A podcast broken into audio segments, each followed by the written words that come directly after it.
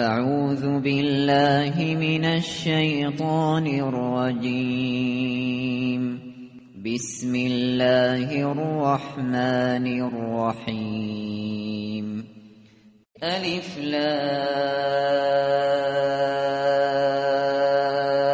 را.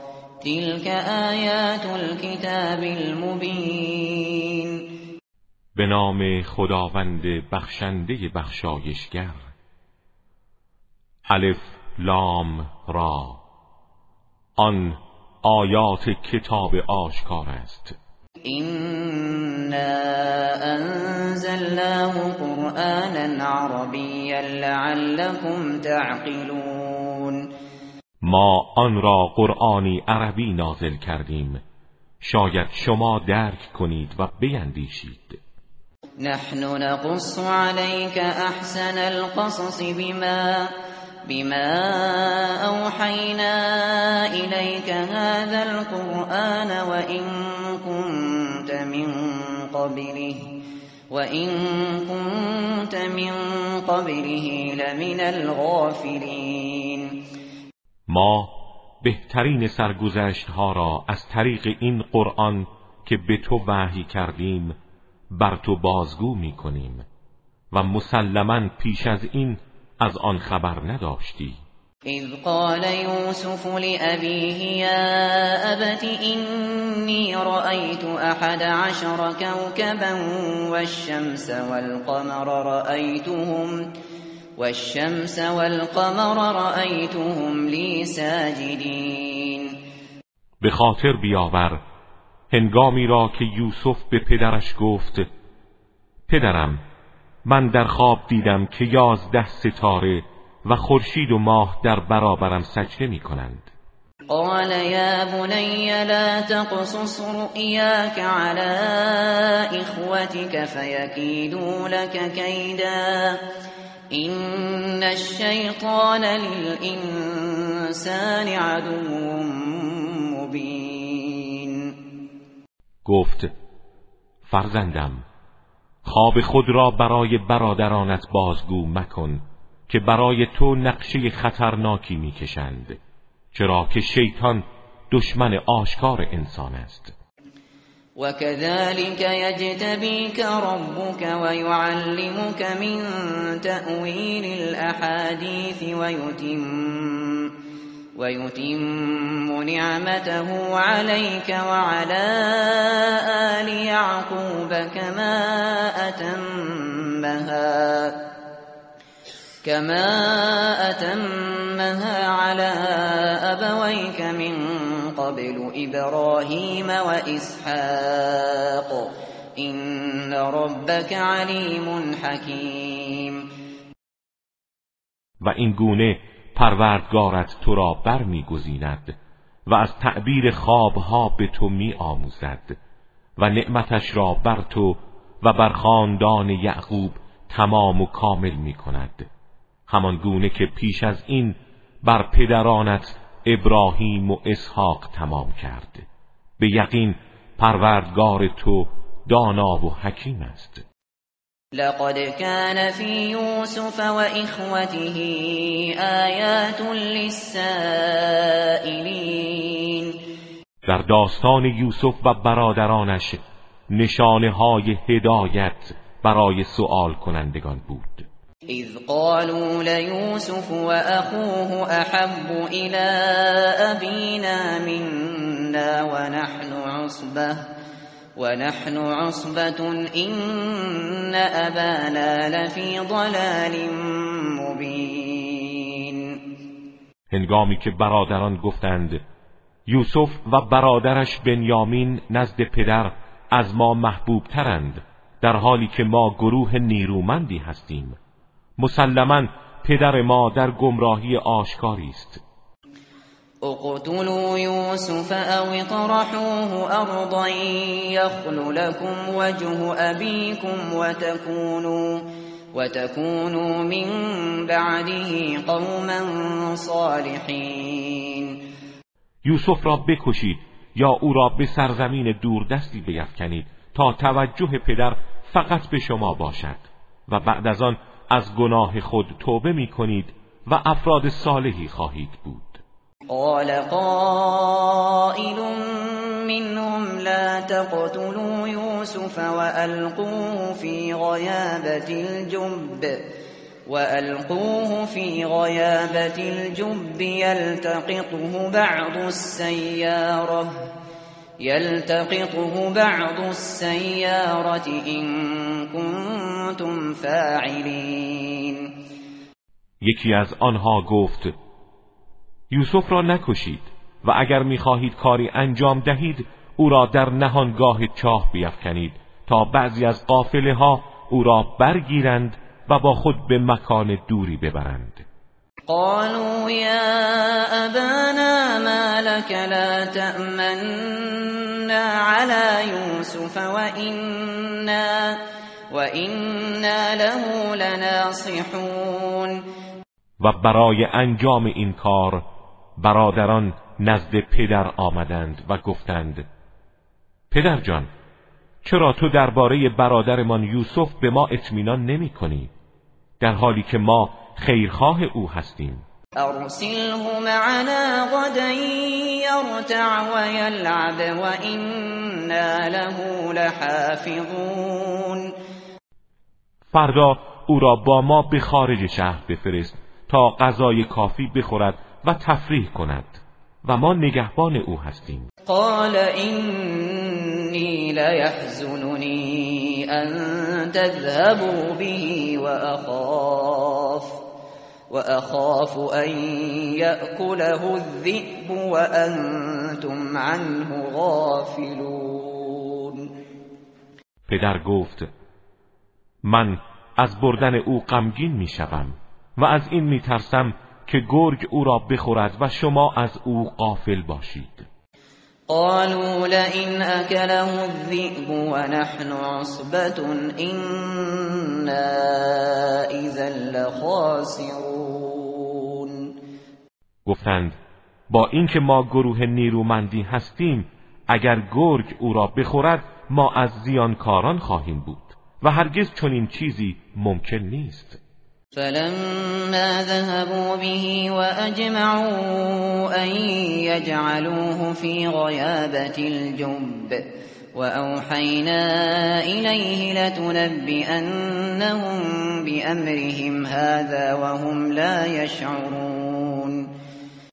هنگامی که او را با خود بردند و تصمیم گرفتند وی را در نهانگاه چاه قرار دهند سرانجام مقصد خود را عملی ساختند و به او وحی فرستادیم که آنها را در آینده از این کارشان با خبر خواهی ساخت در حالی که آنها نمی‌دانند. و جاءوا اباهم عشاء یبکون برادران یوسف شب هنگام گریان به سراغ پدر آمدند. قالوا يا أبانا إنا ذهبنا نستبق وتركنا وتركنا يوسف عند متاعنا فأكله الذئب وما أنت بمؤمن لنا ولو كنا صادقين. گفتند ای پدر ما رفتیم و مشغول مسابقه شدیم و یوسف را نزد اساس خود گذاردیم و گرگ او را خورد. تو هرگز سخن ما را باور نخواهی کرد. هرچند راستگو باشیم. و جاءوا على قمیصه بدم كذب. قال بل سولت لكم انفسكم امرا فصبر جمیل والله المستعان على ما تصفون. و پیراهن او را با خونی دروغین آغشته ساخته نزد پدر آوردند. گفت هوسهای نفسانی شما این کار را برایتان آراسته. من صبر جمیل و شکیبایی خالی از ناسپاسی خواهم داشت و در برابر آنچه می‌گویید از خداوند یاری می طلبم وجاءت سيارة فأرسلوا واردهم فأدلى دلوه. قال يا بشرى هذا غلام وأسروه بضاعة. والله علیم بما یعملون و در همین حال کاروانی فرا رسید. و مأمور آب را به سراغ آب فرستادند. او دلو خود را در چاه افکند. ناگهان صدا زد مژده باد این کودکی است زیبا و دوست داشتنی. و این امر را به عنوان یک سرمایه از دیگران مخفی داشتند و خداوند به آنچه آنها انجام می‌دادند آگاه بود. و شروه بثمن بخس دراهم معدودت و كانوا و كانوا فيه من الزاهدین و سرانجام او را به بهای کمی چند درهم فروختند و نسبت به فروختن او بی رقبت بودند چرا که می ترسیدند رازشان فاش شود. وقال الذي اشتراه من مصر لامرأته اکرمی مثواه عسى عسى أن ينفعنا أو نتخذه ولدا. وكذلك مكنا ليوسف في الأرض ولنعلمه من تأويل الأحاديث. والله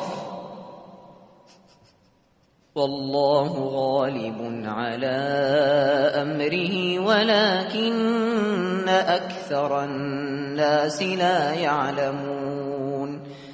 و آن کس که او را از سرزمین مصر خرید عزیز مصر به همسرش گفت مقام وی را گرامی دار شاید برای ما سودمند باشد و یا او را به عنوان فرزند انتخاب کنیم. و این چنین یوسف را در آن سرزمین متمکن ساختیم. ما این کار را کردیم تا او را بزرگ داریم و از علم تعبیر خواب به او بیاموزیم. خداوند بر کار خود پیروز است ولی بیشتر مردم نمی‌دانند. ولما بلغ اشده آتیناه حکما وعلما وكذلك نجزی المحسنین. و هنگامی که به بلوغ و قوت رسید ما حکم نبوت و علم به او دادیم و این چنین نیکوکاران را پاداش می‌دهیم. وراودته التي هو في بيتها عن نفسه وغلقت الأبواب وقالت هيت لك. قال معاذ الله. إنه ربي أحسن مثواي. إنه لا يفلح الظالمون. و آن زن که یوسف در خانه او بود از او تمنای کامجویی کرد. درها را بست و گفت بیا به سوی آنچه برای تو مهیاست. یوسف گفت پناه می‌برم به خدا. او عزیز مصر صاحب نعمت من است. مقام مرا گرامی داشته. آیا ممکن است به او ظلم و خیانت کنم؟ مسلما ظالمان رستگار نمی شوند. ولقد همت به وهم بها لولا أن برهان ربه.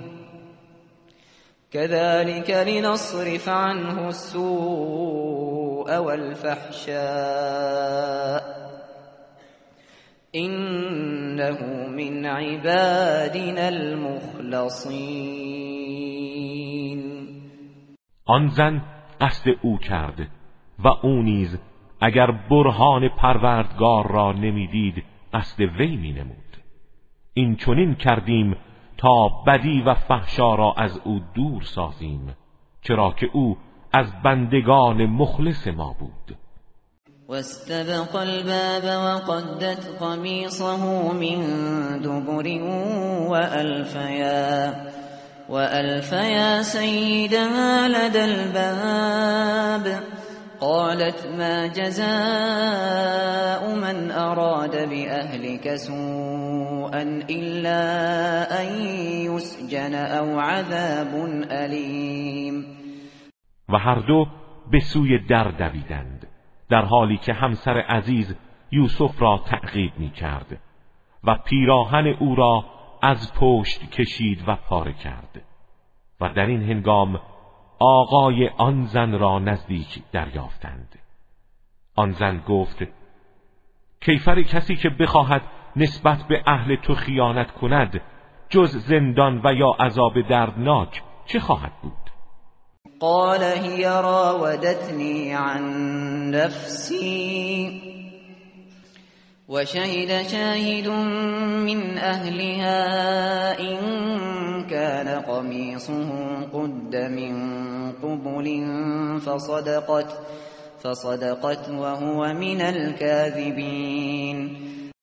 یوسف گفت او مرا با اصرار به سوی خود دعوت کرد. و در این هنگام شاهدی از خانواده آن زن شهادت داد که اگر پیراهن او از پیش رو پاره شده آن زن راست می‌گوید و او از دروغگویان است. و این کان قمیصه قد من دبر فكذبت وهو من الصادقین.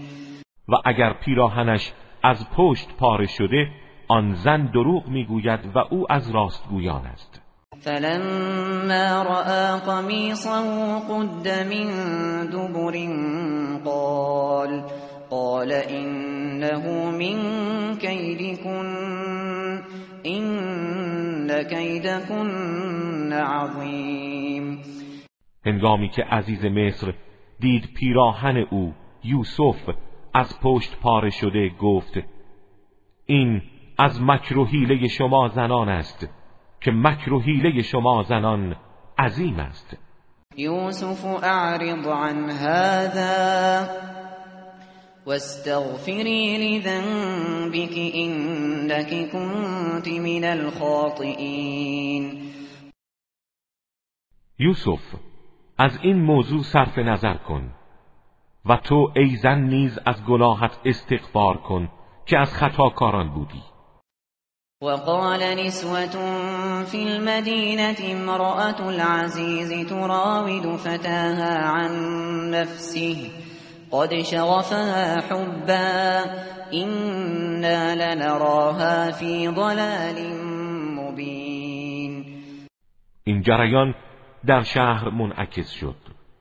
گروهی از زنان شهر گفتند همسر عزیز جوانش غلامش را به سوی خود دعوت می کند عشق این جوان در اعماق قلبش نفوذ کرده.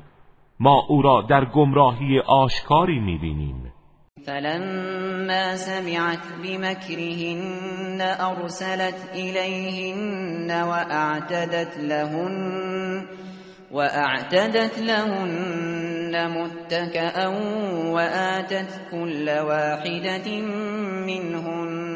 سكينا وقالت وقالت اخرج عليهن فلما رأينه أكبرنه وقطعن أيديهن وقلن حاش لله وقل حاش لله ما هذا بشرا إن هذا إلا ملك کریم هنگامی که همسر عزیز از فکر آنها باخبر شد به سراغشان فرستاد و از آنها دعوت کرد و برای آنها پشتی گرانبها و مجلس با شکوهی فراهم ساخت و به دست هر کدام چاقویی برای بریدن میوه داد و در این موقع به یوسف گفت وارد مجلس آنان شو. هنگامی که چشمشان به او افتاد او را بسیار بزرگ و زیبا شمردند و بی توجه دستهای خود را بریدند و گفتند منزه است خدا این بشر نیست این یک فرشته بزرگوار است. قالت فذلكن الذي لمتنني فيه ولقد راودته عن نفسه فاستعصم. ولئن لم يفعل ما آمره ليسجنن وليكون من الصاغرين. همسر عزیز گفت این همان کسی است که به خاطر عشق او مرا سرزنش کردید. آری من او را به خیشتن دعوت کردم و او خودداری کرد و اگر آنچه را دستور می‌دهم انجام ندهد به زندان خواهد افتاد و مسلما خار و ذلیل خواهد شد. قال رب السجن احب الی مما يدعونني الیه وإلا تصرف عني كيدهن أصب إليهن أصب إليهن وأكن من الجاهلين. یوسف گفت پروردگارا زندان نزد من محبوب تر است از آنچه اینها مرا به سوی آن می‌خوانند. و اگر مکر و نیرنگ آنها را از من باز نگردانی به سوی آنان متمایل خواهم شد و از جاهلان خواهم بود. فاستجاب له ربه فصرف عنه كيدهن. انه هو السمیع العلیم پروردگارش دعای او را اجابت کرد و مکر آنان را از او بگردانید چرا که او شنوا و داناست. ثم بدا لهم من بعد ما رأوا الآيات ليسجننه حتى حين. و بعد از آن که نشانه های پاکی یوسف را دیدند تصمیم گرفتند او را تا مدتی زندانی کنند. ودخل معه السجن فتيان. قال أحدهما إني أراني أعصر خمرا. وقال الآخر إني أراني أحمل فوق رأسي خبزا تأكل الطير منه. نبئنا بتأويله. إنا نراك من المحسنين. و دو جوان همراه او وارد زندان شدند. یکی از آن دو گفت من در خواب دیدم که انگور برای شراب می فشارم و دیگری گفت من در خواب دیدم که نان بر سرم حمل می کنم و پرندگان از آن می خورند ما را از تعبیر این خواب آگاه کن که تو را از نیکو کاران می بینیم قال لا يأتيكما طعام ترزقانه إلا إلا نبأتكما بتأويله قبل أن يأتيكما ذلكما مما علمني ربي إني تركت ملة قوم لا يؤمنون بالله وهم وهم بالآخرة هم كافرون یوسف گفت پیش از آن که جیره قضایی شما فرا رسد شما را از تعبیر خوابتان آگاه خواهم ساخت. این از دانشی است که پروردگارم به من آموخته است. من آین قومی را که به خدا ایمان ندارند و به سرای دیگر کافرند ترک گفتم و شایسته چنین موهبتی شدم. واتبعت ملت آبائی ابراهیم و اسحاق و یعقوب ما كان لنا أن نشرك بالله من شيء. ذلك من فضل الله علينا وعلى الناس ولكن ولكن أكثر الناس لا يشكرون. من از آین پدرانم ابراهیم و اسحاق و یعقوب پیروی کردم. برای ما شایسته نبود چیزی را همتای خدا قرار دهیم. این از فضل خدا بر ما و بر مردم است ولی بیشتر مردم شکرگزاری نمی کنند. یا صاحبی السجن ارباب متفرقون خیر ام الله؟ ام الله الواحد القهار؟ ای همراهان زندانی من آیا خدایان پراکنده بهترند یا خداوند یکتای پیروز؟ ما تعبدون من دونه إلا أسماء سميتموها سميتموها أنتم وآباؤكم ما أنزل الله بها من سلطان. إن الحكم إلا لله أمر أن لا تعبدوا إلا إياه. ذلك الدين القيم ولكن اكثر الناس لا يعلمون. این معبودهایی که غیر از خدا می پرستید چیزی جز اسمهایی بی مسما که شما و پدرانتان آنها را خدا نامیده اید نیست. خداوند هیچ دلیلی بر آن نازل نکرده. حکم تنها از آن خداست. فرمان داده که غیر از او را نپرستید. این است آین پابرجا ولی بیشتر مردم نمی‌دانند. یا صاحبی السجن اما احدكما فيسقي ربه خمرا واما الاخر فيصلب فتأكل الطير من رأسه قضي الامر الذي فيه تستفتيان ای همراهان زندانی من. اما یکی از شما دو نفر آزاد می شود و ساقی شراب برای صاحب خود خواهد شد. و اما دیگری به دار آویخته می شود و پرندگان از سر او می خورند. و مطلبی که درباره آن از من نظر خواستید قطعی و حتمی است. وقال للذي ظن أنه ناج منه اذكرني عند ربك فأنساه الشيطان ذكر ربه فلبث في السجن بضع سنين.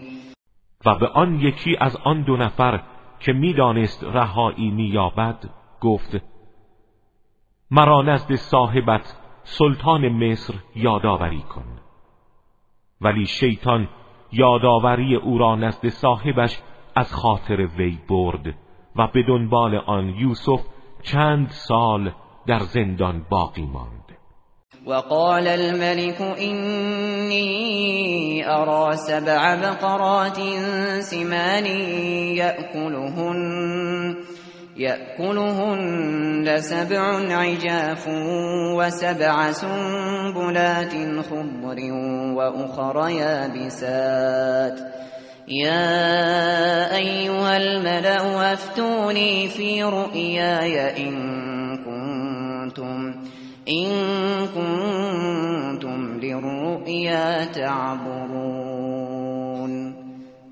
پادشاه گفت من در خواب دیدم هفت گاو چاق را که هفت گاو لاغر آنها را می‌خورند و هفت خوشه سبز و هفت خوشه خشکیده که خشکیده ها بر سبز ها پیچیدند و آنها را از بین بردند. ای جمعیت اشراف درباره خواب من نظر دهید اگر خواب را تعبیر می کنید قالوا اضغاث احلام وما نحن بتأویل الاحلام بعالمین گفتند خوابهای پریشان و پراکنده است و ما از تعبیر این گونه خوابها آگاه نیستیم. وقال الذي نجا منهما وادكر بعد أمة أنا أنبئكم بتأويله. أنا أنبئكم بتأويله فأرسلون و یکی از آن دو که نجات یافته بود و بعد از مدتی به خاطرش آمد گفت من تعویل آن را به شما خبر می دهم مرا به سراغ آن جوان زندانی بفرستید. یوسف ایها الصدیق أفتنا فی سبع بقرات سمان یأکلهن يأكلهن سبع عجاف وسبع سنبلات وسبع سنبلات خضر وأخر يابسات لعلي لعلی أرجع إلى الناس لعلهم يعلمون. او به زندان آمد و چنین گفت یوسف ای مرد بسیار راستگو درباره این خواب اظهار نظر کن که هفت گاو چاق را هفت گاو لاغر می‌خورند و هفت خوشه تر و هفت خوشه خشکیده. تا من به سوی مردم بازگردم شاید از تعبیر این خواب آگاه شوند. قال تزرعون سبع سنین دأبا فما حصدتم فذروه فما حصدتم فذروه في سنبله إلا إلا قليلا مما تأكلون. گفت هفت سال با جدیت زراعت می کنید و آنچه را درو کردید جز کمی که می‌خورید در خوشه های خود باقی بگذارید و ذخیره نمایید. ثم يأتي من بعد ذلك سبع شداد يأكل ما قدمتم لهن إلا, إلا قليلا مما تحصنون. پس از آن هفت سال سخت و خشکی و قحطی می آید که آنچه را برای آن سالها ذخیره کرده اید می‌خورند جز کمی که برای بذر ذخیره خواهید کرد. ثم یأتی من بعد ذلك عام فیه یغاث الناس و یعصرون. سپس سالی فرا می رسد که باران فراوان نصیب مردم می شود و در آن سال مردم اصاره میوه ها و دانه های روغنی را می‌گیرند و سال پربرکتی است. وقال الملك ائتوني به. فلما جاءه الرسول قال ارجع إلى ربك فاسأله فاسأله ما بال النسوة اللاتي قطعن أيديهن. إن ربی بكیدهن علیم پادشاه گفت او را نزد من آورید. ولی هنگامی که فرستاده او نزد وی یوسف آمد گفت به سوی صاحبت بازگرد و از او بپرس ماجرای زنانی که دستهای خود را بریدن چه بود که خدای من به نیرنگ آنها آگاه است. قال ما خطبكن إذ راوتن يوسف عن نفسه قل حاش لله ما علمنا عليه من سوء قالت امرأة العزيز الآن حصحص الحق أنا راودته أنا راودته عن نفسه وإنه لمن الصادقين پادشاه آن زنان را طلبید و گفت به هنگامی که یوسف را به سوی خیش دعوت کردید جریان کار شما چه بود؟ گفتند منزه است خدا ما هیچ عیبی در او نیافتیم. در این هنگام همسر عزیز گفت الان حق آشکار گشت من بودم که او را به سوی خود دعوت کردم و او از راستگویان است. ذلك ليعلم أني لم أخنه بالغيب وأن الله وأن الله لا يهدي كيد الخائنين این سخن را به خاطر آن گفتم تا بداند من در قیاب به او خیانت نکردم و خداوند مکر خائنان را هدایت نمی کند وما أبرئ نفسي إن النفس لأمارة بالسوء إلا ما رحم ربي إن ربي غفور رحيم من هرگز خودم را تبرئه نمی کنم که نفس سرکش بسیار به بدیها امر می کند مگر آنچه را پروردگارم رحم کند. پروردگارم آمرزنده و مهربان است. وقال الملك ائتوني به استخلصه لنفسي. فلما كلمه قال انك اليوم لدينا مكين امین پادشاه گفت او را نزد من آورید تا وی را مخصوص خود گردانم. هنگامی که یوسف نزد وی آمد و با او صحبت کرد پادشاه به عقل و درایت او پی برد و گفت تو امروز نزد ما جایگاهی والا داری و مورد اعتماد هستی. قال جعلنی على خزائن الارض اینی حفیظ علیم.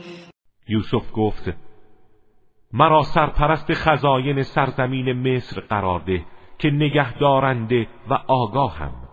وكذلك مكنا ليوسف في الأرض يتبوأ منها حيث يشاء. نصيب برحمتنا من نشاء. ولا نضيع أجر المحسنين.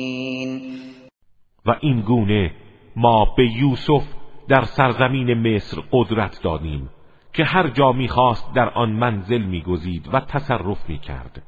ما رحمت خود را به هر کس بخواهیم و شایسته بدانیم میبخشیم و پاداش نیکوکاران را ضایع نمی کنیم ولأجر الآخرة خیر للذین آمنوا وكانوا يتقون. اما پاداش آخرت برای کسانی که ایمان آورده و پرهیزگاری داشتند بهتر است. وجاء إخوة يوسف فدخلوا عليه فعرفهم وهم له منكرون. سرزمین کنعان را قحطی فرا گرفت. برادران یوسف در پی مواد غذایی به مصر آمدند و بر او وارد شدند. او آنان را شناخت ولی آنها او را نشناختند. ولما جهزهم بجهازهم قال ائتوني بأخ لكم من أبيكم ألا ترون أني أوفي الكيل وأنا خير المنزلين؟ و هنگامی که یوسف بارهای آنان را آماده ساخت گفت نوبت آینده آن برادری را که از پدر دارید نزد من آورید. آیا نمی بینید من حق پیمانه را ادا می کنم و من بهترین میزبانان هستم؟ فَإِن لَّمْ تَأْتُونِي بِهِ فَلَا كَيْلَ لَكُمْ عِندِي وَلَا تَقْرَبُونَ و اگر او را نزد من نیاورید نه کیل و پیمانه از قله نزد من خواهید داشت و نه اصلا به من نزدیک شوید قالوا سنراود عنه أباه وإنا لفاعلون. گفتند ما با پدرش گفتگو خواهیم کرد و سعی می‌کنیم موافقتش را جلب نماییم و ما این کار را خواهیم کرد.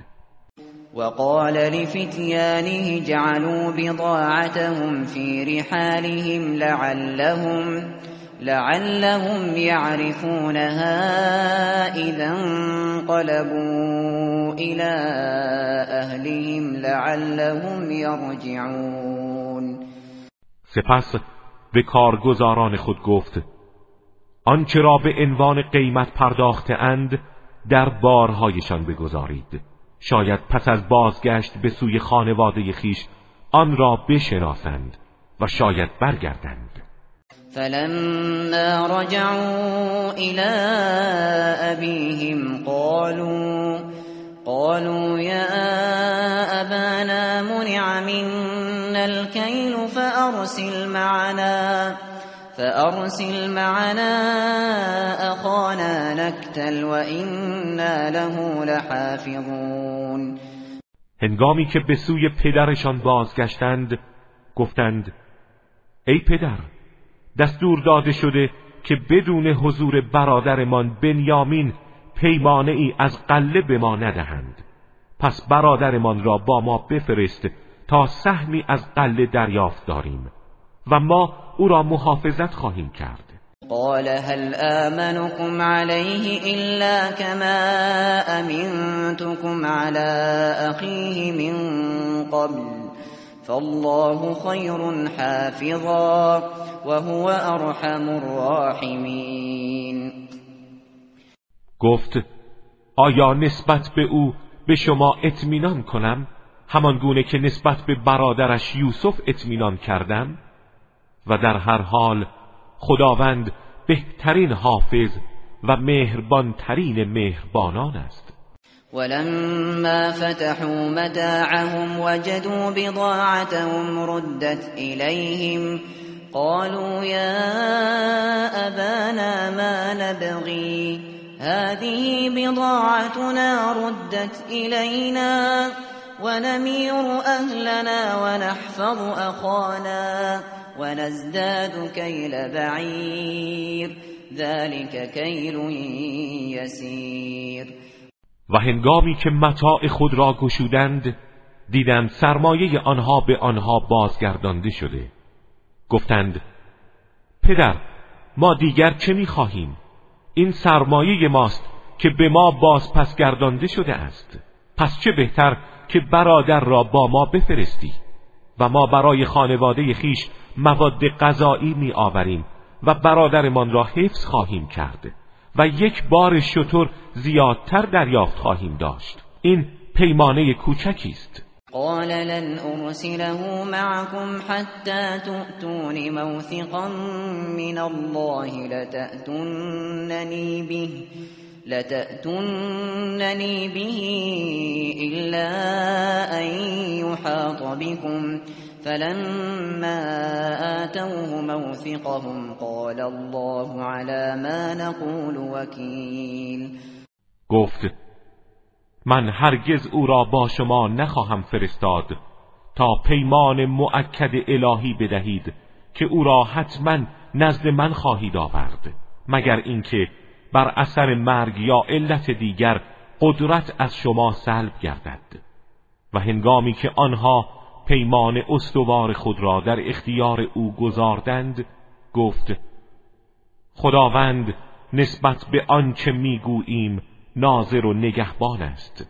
وقال يا بني لا تدخلوا من باب واحد وادخلوا وادخلوا من ابواب متفرقه وما اغني عنكم من الله من شيء ان الحكم الا لله عليه توكلت وعليه فليتوكل المتوكلون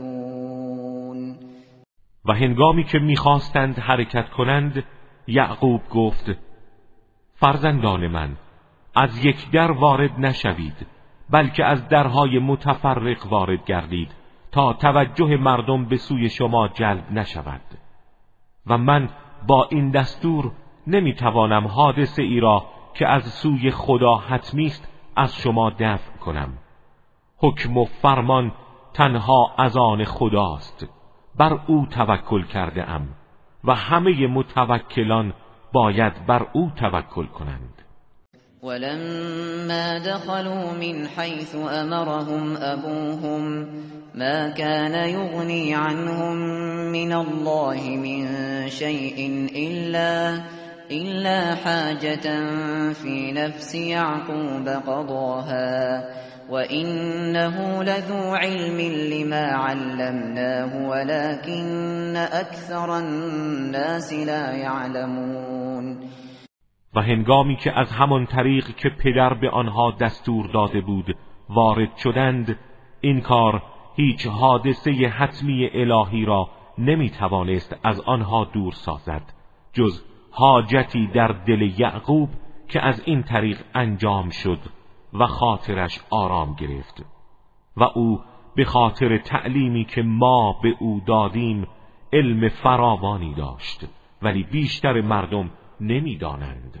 ولما دخلوا على يوسف آوى إليه أخاه قال إني أنا أخوك فلا تبتئس بما كانوا يعملون. هنگامی که برادران بر یوسف وارد شدند برادرش را نزد خود جای داد و گفت من برادر تو هستم. از آنچه آنها انجام می‌دادند غمگین و ناراحت نباش. فلما جهزهم بجهازهم جعل السقاية في رحل أخيه ثم أذن مؤذن أيتها العير إنكم لسارقون.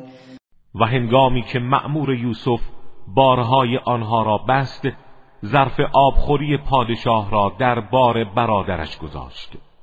سپس کسی صدا زد ای اهل قافله شما دزد هستید. قالوا واقبلوا عليهم ماذا تفقدون؟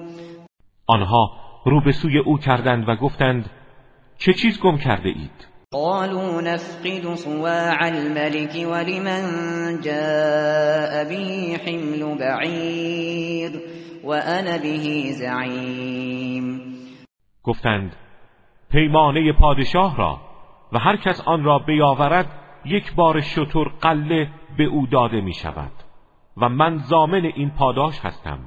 قالوا تالله لقد علمتم ما جئنا لنفسد في الارض وما كنا وما كنا سارقين. گفتند به خدا سوگند شما می‌دانید ما نیامده ایم که در این سرزمین فساد کنیم و ما هرگز دزد نبوده ایم. قالوا فما جزاؤه ان کنتم كاذبین آنها گفتند اگر دروغگو باشید کیفرش چیست؟ قالوا جزاؤه من وجد في رحله فهو جزاؤه كذلك نجزي الظالمين.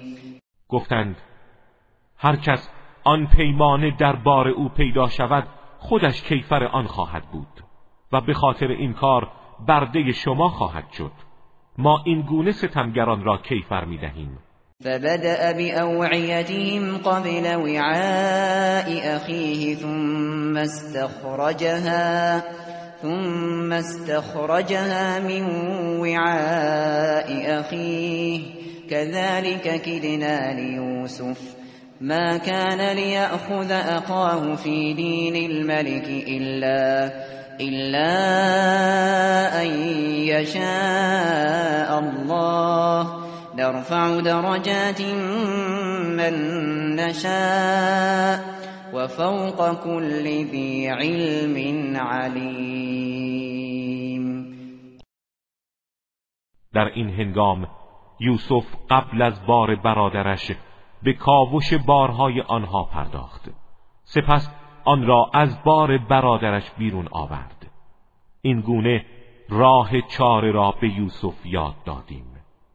او هرگز نمی توانست برادرش را مطابق آین پادشاه مصر بگیرد مگر آنکه خدا بخواهد. درجات هر کس را بخواهیم بالا می‌بریم و برتر از هر صاحب علمی عالمی است.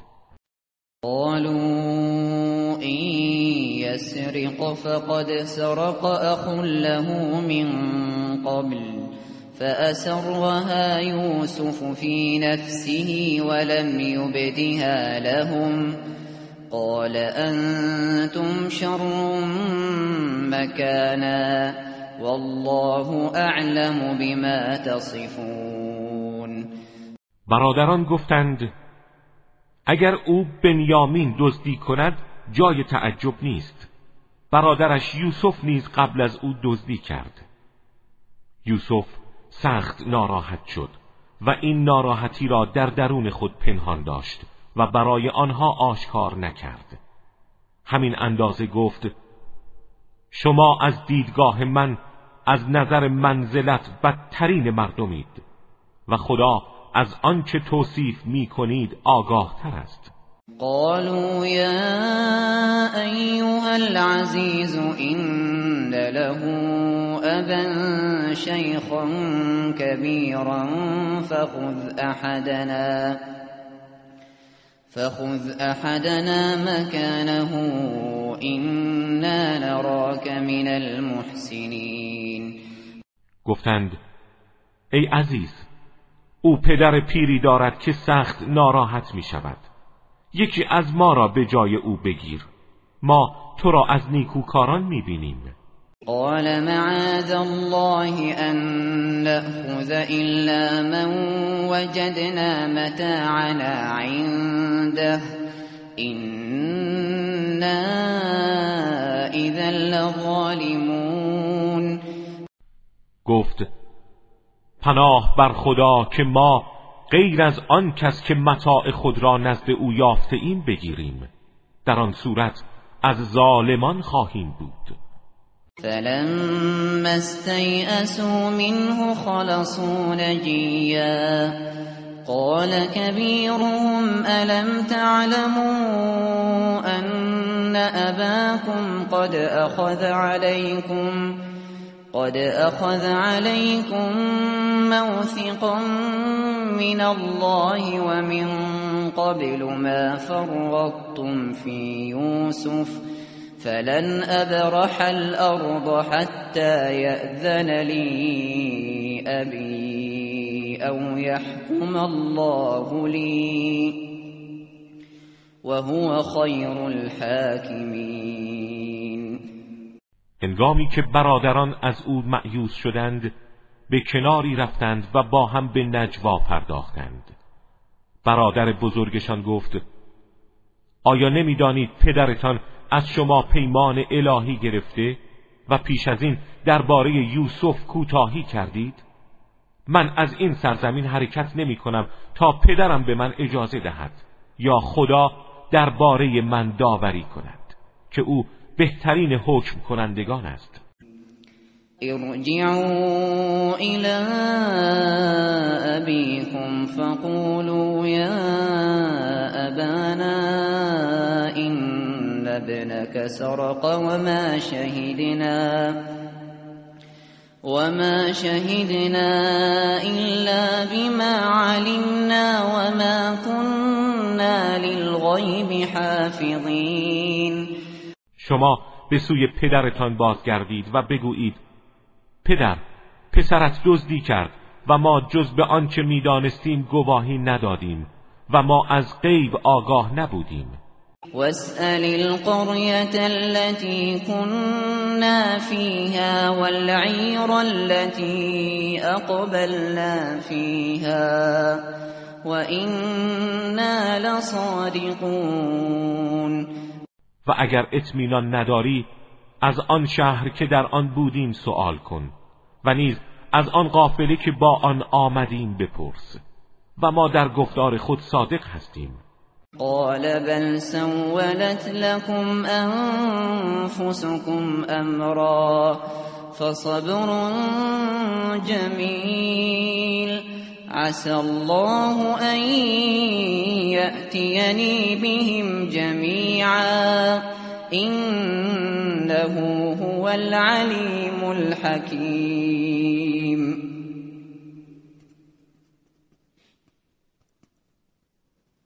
یعقوب گفت هوای نفس شما مسئله را چنین در نظرتان آراسته است. من صبر می کنم صبری زیبا و خالی از کفران.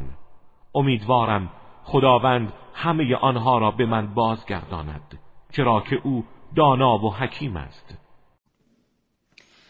و تولا عنه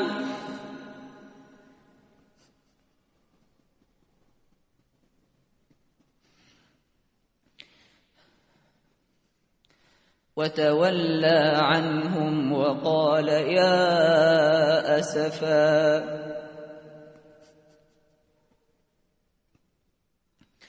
وقال يا أسفا على يوسف وابيضت عيناه من الحزن فهو كظيم. و از آنها روی برگرداند و گفت وا اسفا بر یوسف. و چشمان او از اندوه سفید شد. اما خشم خود را فرو می برد و هرگز کفران نمی کرد. قالوا تالله تفتأ تذكر يوسف حتى تكون حرضا حتى تكون حرضا او تكون من الهالكين. گفتند به خدا تو آنقدر یاد یوسف می‌کنی تا در آستانه مرگ قرار گیری یا هلاک گردی قال انما اشكو بثي وحزني الى الله واعلم من الله ما لا تعلمون. گفت من غم و اندوهم را تنها به خدا می‌گویم و شکایت نزد او می‌برم و از خدا چیزهایی می‌دانم که شما نمی‌دانید. یا بنی یذهبوا فتحسسوا من یوسف و اخیه ولا تیأسوا ولا تیأسوا من روح الله. إنه لا ييأس من روح الله إلا القوم الكافرون.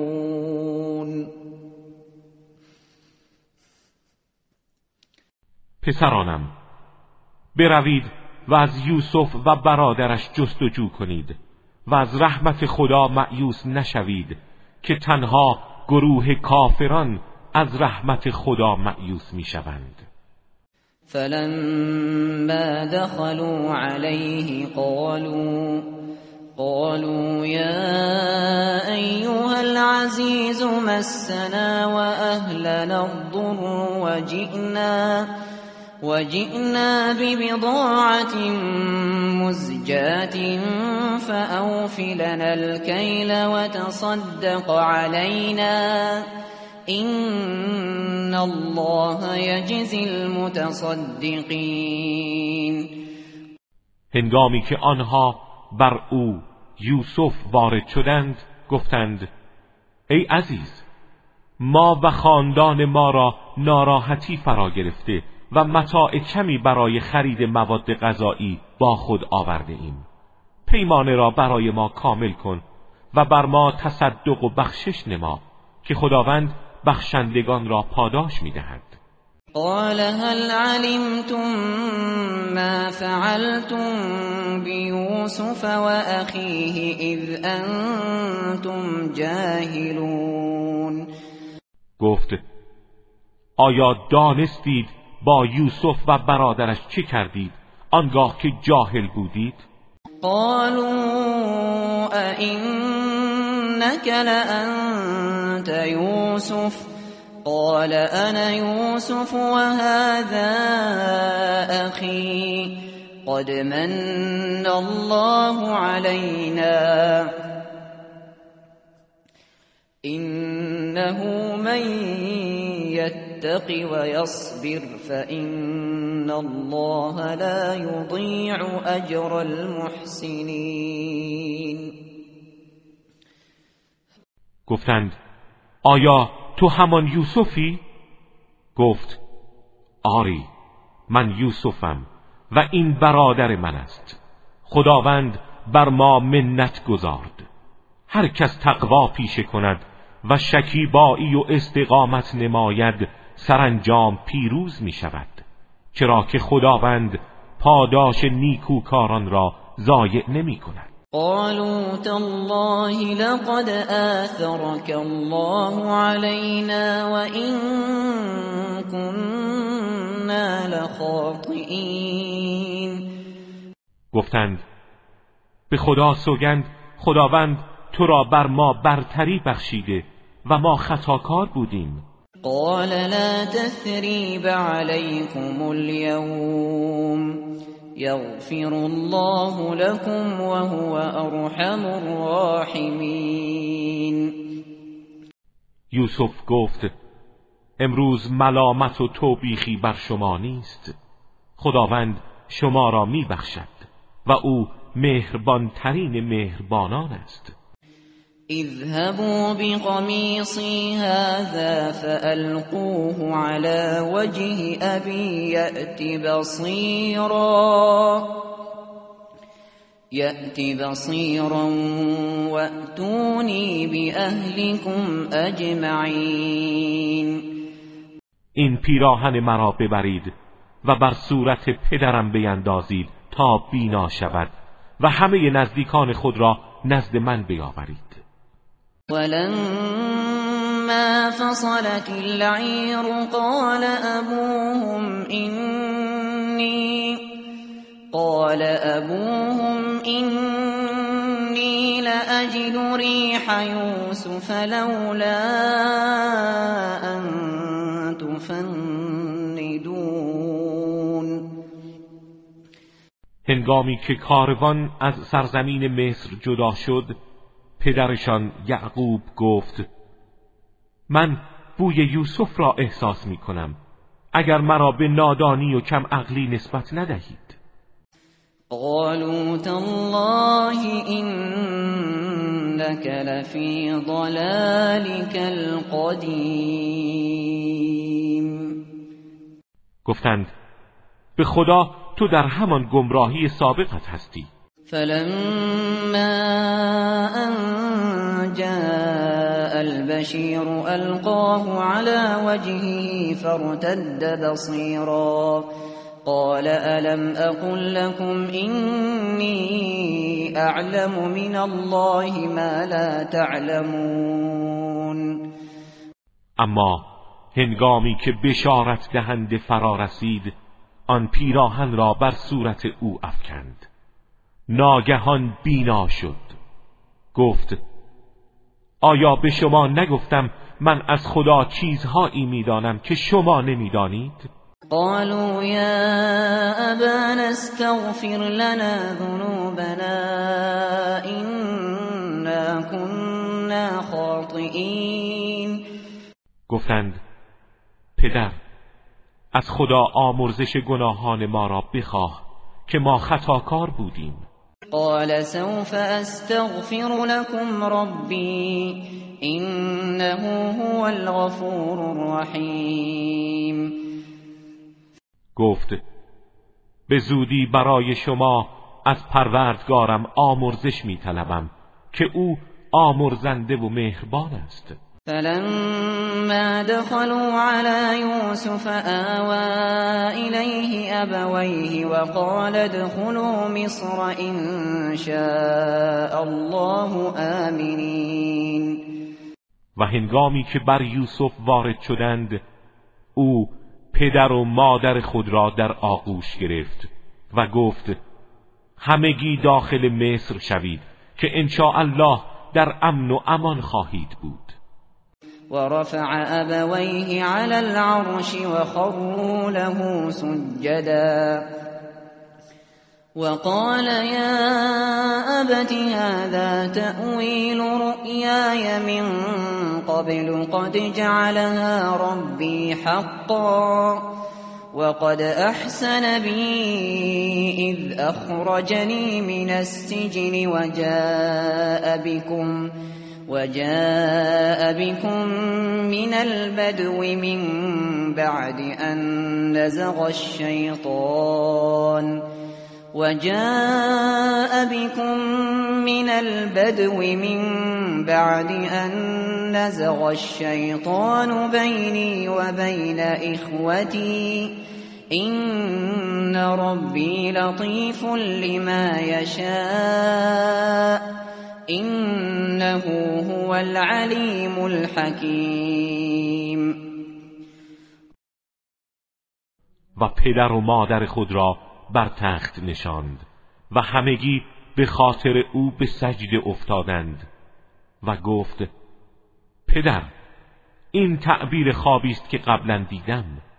پروردگارم آن را حق قرار داد و او به من نیکی کرد هنگامی که مرا از زندان بیرون آورد و شما را از آن بیابان به اینجا آورد بعد از آن که شیطان میان من و برادرانم فساد کرد. پروردگارم نسبت به آنچه می‌خواهد و شایسته می‌داند صاحب لطف است چرا که او دانا و حکیم است. رب قد آتيتني من الملك وعلمتني من تأويل الأحاديث فاطر السماوات والأرض أنت ولي في الدنيا والآخرة توفني مسلما وألحقني بالصالحين پروردگارا بخشی عظیم از حکومت به من بخشیدی. و مرا از علم تعبیر خوابها آگاه ساختی. ای آفریننده آسمان ها و زمین تو ولی و سرپرست من در دنیا و آخرت هستی. مرا مسلمان بمیران و به صالحان ملحق فرما. ذلك من انباء الغیب نوحیه الیک. وما كنت لديهم اذ اجمعوا امرهم وهم يمكرون. این از خبرهای غیب است که به تو وحی میفرستیم. تو هرگز نزد آنها نبودی هنگامی که تصمیم می‌گرفتند و نقشه میکشیدند. و ما اکثر الناس ولو حرصت بمؤمنین و بیشتر مردم هرچند اصرار داشته باشی ایمان نمی آورند. و ما تسألهم علیه من اجر این هو الا ذکر للعالمین. و تو هرگز از آنها پاداشی نمی طلبی. آن نیست مگر تذکری برای جهانیان. وكأين من آية في السماوات والأرض يمرون عليها يمرون عليها وهم عنها معرضون و چه بسیار نشانه ای از خدا در آسمان ها و زمین که آنها از کنارش میگذرند و از آن روی گردانند. وما يؤمن اكثرهم بالله الا وهم مشركون و بیشتر آنها که مدعی ایمان به خدا هستند مشرکند. افامنوا ان تأتيهم غاشية من عذاب الله او تأتيهم او تأتيهم الساعة بغتة وهم لا يشعرون آیا ایمن از آنند که عذاب فراگیری از سوی خدا به سراغ آنان بیاید یا ساعت رستاخیز ناگهان فرا رسد در حالی که متوجه نیستند؟ قل هذه سبیلی ادعو الى الله على بصيرة انا ومن اتبعني وسبحان الله وما انا من المشركين. بگو این راه من است. من و پیروانم با بصیرت کامل همه مردم را به سوی خدا دعوت می کنیم منزه است خدا و من از مشرکان نیستم. وما ارسلنا من قبلك الا رجالا نوحي اليهم من أهل القرى افلم يسيروا في الأرض فينظروا كيف كان عاقبه الذين من قبلهم ولدار الاخره خير للذين اتقوا افلا تعقلون و ما نفرستادیم پیش از تو جز مردانی از اهل آبادی ها که به آنها وحی می کردیم آیا مخالفان دعوت تو در زمین سیر نکردند تا ببینند عاقبت کسانی که پیش از آنها بودند چه شد؟ و سرای آخرت برای پرهیزگاران بهتر است. آیا فکر نمی کنید؟ حتى إذا استيأس الرسل وظنوا وظنوا أنهم قد كذبوا جاءهم جاءهم نصرنا فنجي من نشاء ولا يرد بأسنا عن القوم المجرمين. پیامبران به دعوت خود و دشمنان آنها به مخالفت خود همچنان ادامه دادند تا آنگاه که رسولان معیوس شدند و مردم گمان کردند که به آنان دروغ گفته شده است. در این هنگام یاری ما به سراغ آنها آمد. آنان را که خواستیم نجات یافتند و مجازات و عذاب ما از قوم گنهکار بازگردانده نمی شود لقد كان في قصصهم عبرة لأولي الألباب. ما كان حديثا يفترى ولكن ولكن تصديق الذي بين يديه وتفصيل كل شيء وهدى وهدى ورحمة لقوم يؤمنون. در سرگذشت آنها درس عبرتی برای صاحبان اندیشه بود. اینها داستان دروغی نبود بلکه وحی آسمانی است و هماهنگ است با آنچه پیش روی او از کتب آسمانی پیشین قرار دارد و شرح هر چیزی که پایه سعادت انسان است و هدایت و رحمتی است برای گروهی که ایمان می آورند